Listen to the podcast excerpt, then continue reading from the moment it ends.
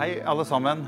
Det er en stor glede å igjen få lov til å komme inn i stue eller hvor du enn befinner deg, og få lov til å dele noe fra Guds ord her fra Pinsekirken i Sandvika. Og jeg, jeg, må en gang til få lov til å takke et fantastisk team som står på her å si, dag ut og dag inn og gjør det mulig for oss å kunne få lov til å sende hjem der hvor du befinner deg. De står skikkelig på. Til nå så har vi bare brukt hva skal Vi si, vi har samlet sammen litt utstyr som gjør at vi faktisk kan greie å sende hjem til dere. Men vi har litt lyst til å oppgradere oss litt på utstyr, så vi har bestemt oss for i kirken hos oss at nå ønsker vi å investere i mer teknisk utstyr som gjør at vi kan gjøre det enda bedre, vi kan produsere enda mer, vi kan levere enda flere sendinger hjem til deg der hvor du måtte befinne deg. Så jeg har litt lyst til at du kan få lov til å være med. Hvis du kjenner at dette er noe som du har lyst til å være med å investere i, så har jeg lyst til å invitere deg med og støtte oss og gi en liten, et bidrag til, slik at vi kan få lov til å være med å kjøpe mer utstyr. Sånn at vi kan få lov til å gjøre mer ut av det som vi gjør i dag.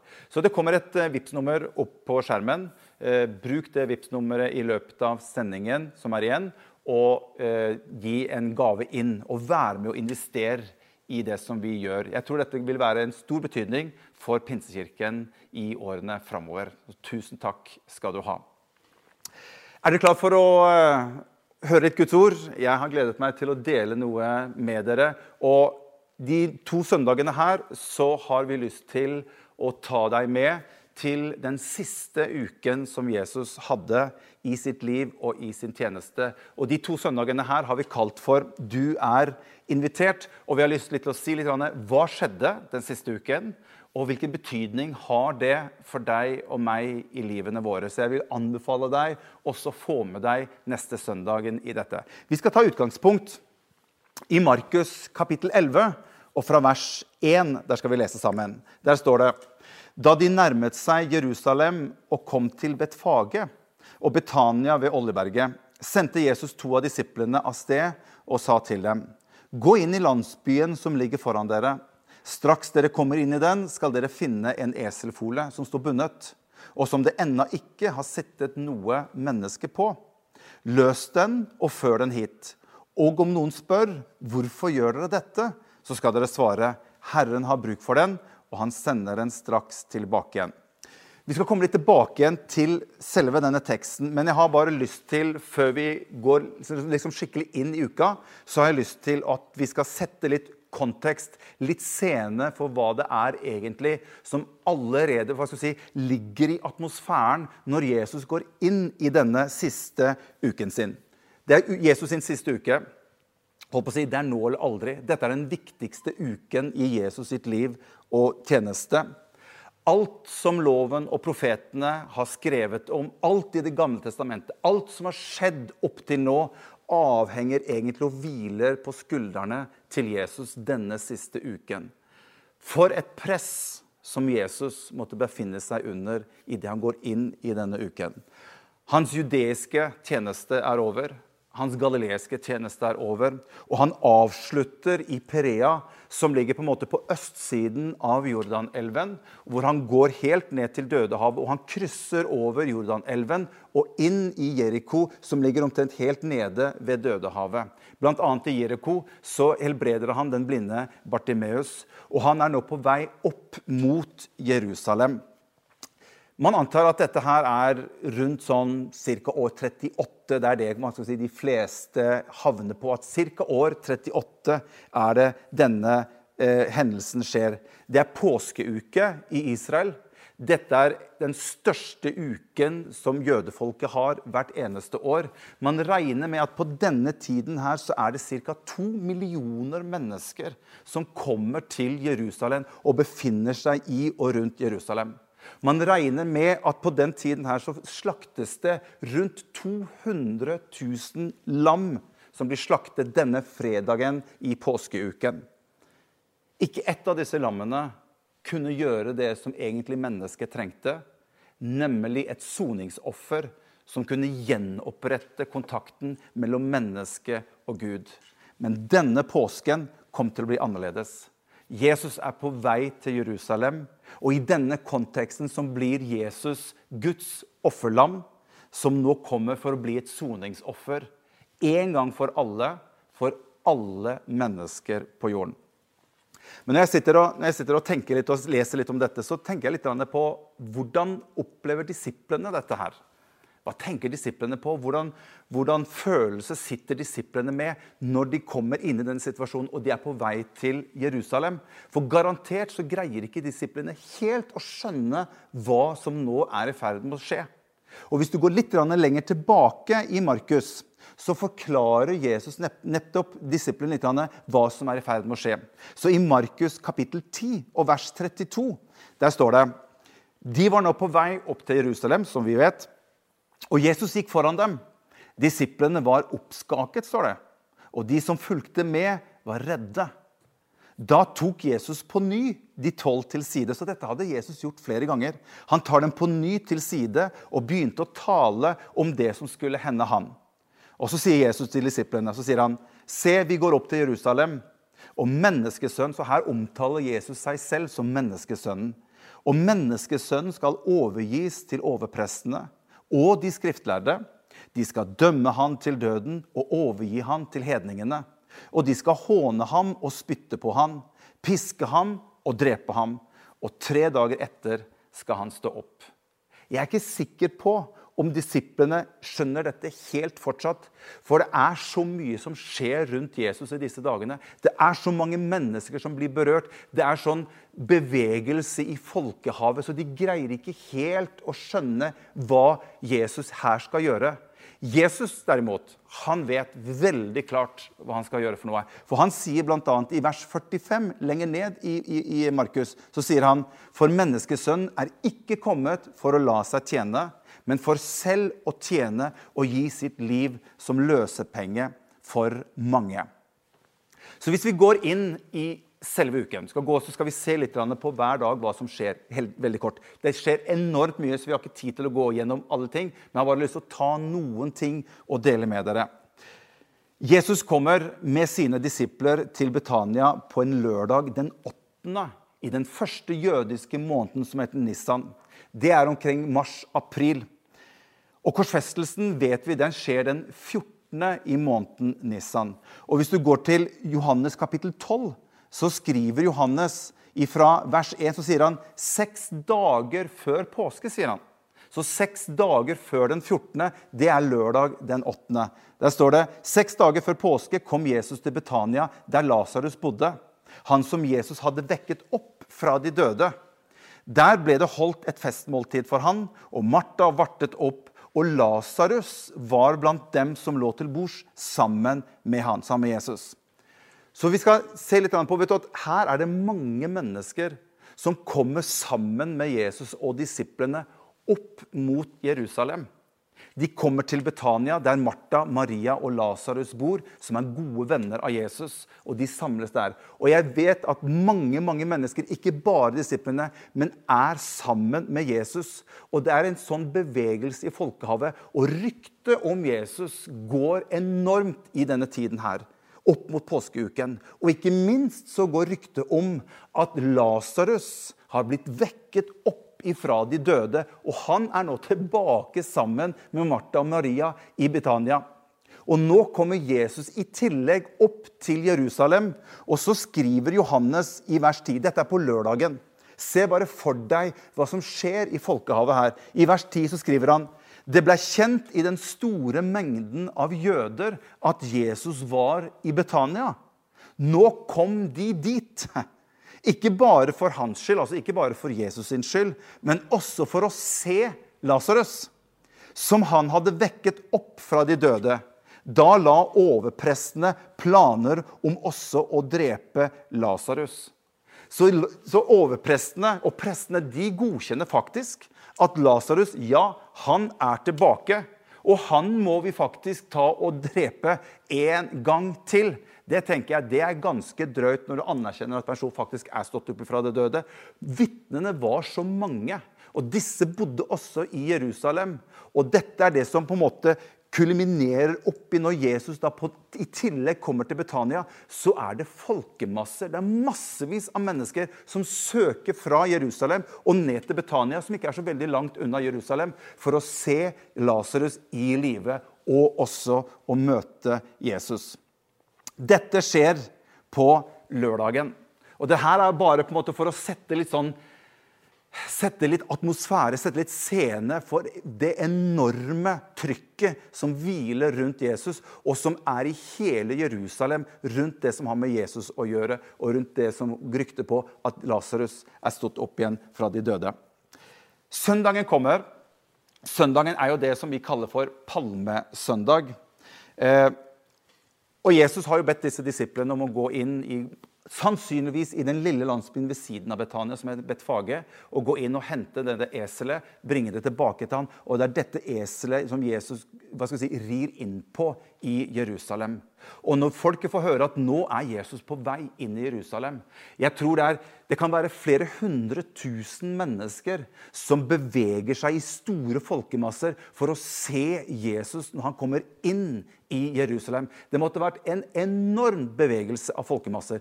Folkemassene var så store noen ganger at soldatene til overprestene de greide ikke engang å arrestere Jesus pga. Så, av så enormt mange mennesker. Så Jesus på søndag kommer inn i Jerusalem. Og Så sier Skriften at han går inn i tempelet, og så står det at han kikker seg litt rundt i tempelet, og så reiser han tilbake til Betania med disiplene på søndag kveld. Mandag er en spesiell dag. Mandag det er den tiende i måneden Nissan, og ifølge Moseloven så er mandagen den dagen hvor prestene plukker ut og tar ut alle disse lammene som skal slaktes påfølgende fredag. Denne dagen reiser Jesus med disiplene sine inn mot eh, Jerusalem. Og Det er her i, i, på denne dagen at eh, Jesus passerer dette fikentreet, som kanskje mange av dere har hørt om. Og Han ser på dette fikentreet og han ser at dette fikentreet bærer ikke noe frukt. Og faktisk så snakker Jesus til dette fikentreet, og han sier at aldri mer så skal du bære noe frukt. Kanskje disiplene lurte litt om hva i all verden er det Jesus holder på med nå. Men han gjør det, og han går inn i Jerusalem. Han går inn i tempelet. Og han hadde sett dagen før at hvordan de hadde gjort tempelet, var noe som Jesus ikke likte. De begynte å selge varer, de begynte med pengeveksling. Og Jesus blir faktisk så sint når han kommer inn i tempelet denne gangen, at det står at han driver ut alle pengevekslerne ifra tempelet, og han roper til dem og sier at dette tempelet, som er ment til å være et Guds hus, et bønnens hus, det har dere gjort om til en røverhule. Etter dette så vender han tilbake igjen til Betania sent på kvelden sammen med disiplene. Eh, tirsdagen er han tilbake igjen i, Jerusalem. Han er tøffing òg, da. Han vender tilbake igjen til, til, Jerusalem. Disiplene tar en litt ekstra titt på det fikentreet, for det er faktisk råttent ifra rot og opp, sier Bibelen. Jeg tror ikke Jesus sjekket det, for han visste at det lå, dårlig an til med det fikentreet. Men han går inn i tempelet han underviser, han snakker om sitt andre komme, og han er i klinsj med overprestene. Og de er veldig veldig usikre på hvordan de skal håndtere denne situasjonen. Dette er også dagen hvor Judas på siden melder seg for prestene og sier at 'jeg kan være med å hjelpe dere' å få Jesus arrestert. Noe som prestene veldig, veldig gjerne ønsket å få til. Så kommer onsdag. Onsdagen blir ofte kalt for stille onsdag, men onsdagen er nok den dagen hvor Jesus sender disiplene inn for å forberede måltidet som de skal ha sammen neste dag. Så kommer torsdag. Det er en lang dag. Vi kan ikke gå inn i alle detaljer, men torsdagen er den dagen hvor Jesus samler sine disipler på kvelden. De spiser dette siste måltidet sammen. Jesus innstifter nadverden denne kvelden. Og han tar faktisk et kar med vann han bøyer seg på sine knær og vasker disiplenes føtter. Etterpå tar Jesus disiplene med ut i Getsemanehage, hvor han ønsker at de skal være med og be litt sammen med han. Og Seint på kvelden så kommer Judas sammen med soldatene. Og Judas gir Jesus dette kysset av forrådelse for å identifisere hvem soldatene skal ta til fange. Så torsdag kveld så blir Jesus arrestert. Fredag blir Jesus korsfestet. Lørdag så er han i graven, og søndag så står han opp igjen. Vi skal komme litt tilbake til litt mer av det som skjer de to siste dagene neste søndag. så Det må dere, det må dere få med dere. Men jeg har lyst til å gå litt tilbake til selve inntoget i Jerusalem. Det er jo derfor vi kaller det for palmesøndag, når han kommer inn. Eh, og liksom, Når du sitter og leser om dette, hvorfor dette med dette eselet? Hvorfor dette med at disiplene måtte hente dette eselet og ta det med til Jesus, og han på en måte skal ri inn i Jerusalem på et esel? Disiplene skjønte det ikke. De forsto ikke hva det var Jesus holdt på med. Og jeg kan godt tenke meg Når de to disiplene skal gå inn for å hente dette eselet og Jesus hadde jo sagt til dem at de skal gå inn, sannsynlig i Betfage. Der står det en eselfole som står bundet fast. Den skal dere løsne, og så skal dere ta den til meg. Jeg vet ikke hva de følte når de skulle gå inn dit. Det er jo som å ta en annens eiendom. Og Jesus hadde sagt at hvis det er noen som spør dere hva dere skal bruke det til, så skal dere bare si at vår Herre har bruk for det. Og det er akkurat det som skjer. De bringer dette eselet tilbake. Og Jesus rir inn i Jerusalem. Disiplene de skjønner ikke noen ting. Markus skriver ikke noen ting om hvorfor dette skjer. Men Matteus han skriver litt hva det er som skjer i dette øyeblikket. Og I Matteus fra kapittel 21 så står det dette skjedde for at det ordet skulle oppfylles som er talt gjennom profeten. Dette er Zakaria som profeterte dette. Og han sa, si til datter Sion, se din konge kommer til deg. Ydmyk er han og rir på et esel og på trekkdyrets fole. Så dette er ikke noe kroning av Jesus. Han kommer ikke inn i Jerusalem første omgang som en konge. Han kommer inn som et soningsoffer. Han kommer inn som en frelser som skal gi sitt liv for mennesket. Hvorfor gjør han dette? Jo, han gjør det for å oppfylle alt som var i loven og profetene. Sånn at det var ingenting som kunne, kunne utsettes på Jesus i det han gjør i forbindelse med denne påsken. Som sagt, Disiplene skjønner det ikke. Hvis du leser i Johannes kapittel 12 og vers 16, for disiplene skjønte det etterpå, hvor der står det dette skjønte ikke disiplene med det samme. Men da Jesus var blitt herliggjort, husket de at dette sto jo skrevet om han, og at folket hadde hilst han slik på denne måten. Jeg har bare lyst til helt til slutt si, jeg har lyst til å avslutte med dette, at når Jesus kommer inn i Jerusalem, så roper folkeskarene til han. Hosianna, Hosianna. Velsignet være han som kommer i Herrens navn. Det ordet Hosianna det betyr jo egentlig å befri, utfri, redde eller frels nå. Det som er rart, det er at den samme folkemengden som roper Hosianna denne dagen, bare noen dager senere så er det den samme mengden som roper til Jesus, eller til prestene Korsfest han, korsfest han. Hva er det som skjer bare i løpet av noen få dager? Husk på at jødefolket var undertrykket. De var undertrykket av den romerske statsmakten. De ønsket å bli fri. De ønsket å få lov til å oppleve å komme ut i frihet og få fred.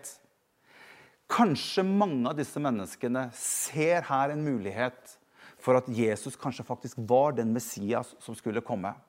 Og de begynte å ha noen perspektiver i sitt sinn, i sine tanker, om kanskje er det han som skal komme og bli kongen, som skal utfri oss fra romersk statsmakt, og som gjør at vi kan få lov til å oppleve å få landet vårt tilbake, og vi kan få lov til å oppleve å få fred. Når Jesus ikke gjør det Han hadde et annet oppdrag han var kommet for å gjøre. Når det ikke ble slik som menneskene hadde tenkt at han skulle gjøre, i stedet, da snur de om, og så korsfester de han istedenfor. Og jeg tenker noen ganger at det er litt sånn som vi mennesker har en tendens til å gjøre. At jeg tror mange ganger at vi i vårt hode og i vårt sinn og våre tanker vi har en tanke om hva Gud skal være for meg, hvordan han skal være for meg. Og så er det jeg som setter premissene for hvordan han skal være i våre liv. Jeg tror det er veldig, veldig farlig. Menneskene, når Jesus kommer inn i Jerusalem, de ser ikke og de vet ikke hva de egentlig trenger. For Jesus kom ikke inn for å sette Israel fri fra romersk statsmakt. Han kom for å sette mennesket fri fra syndens statsmakt. Han kom for å gjøre mennesket fri, slik at de kunne få lov til å oppleve en frihet og en fred som er mye mye større og mye mye viktigere, nemlig fred i sitt hjerte. Og det er det som er påskens budskap. Det er det dette handler om. Ikke at du og jeg skal få fred på utsiden i første omgang, men at vi skal få fred på innsiden, i livene våre, i hjertene våre. Og det er dette som er vårt budskap til deg som sitter og ser på. Hvis du ikke har opplevd fred med Gud, så kan du få lov til å oppleve fred med Gud gjennom påskens budskap. Gud velsigne dere alle sammen. My hope is built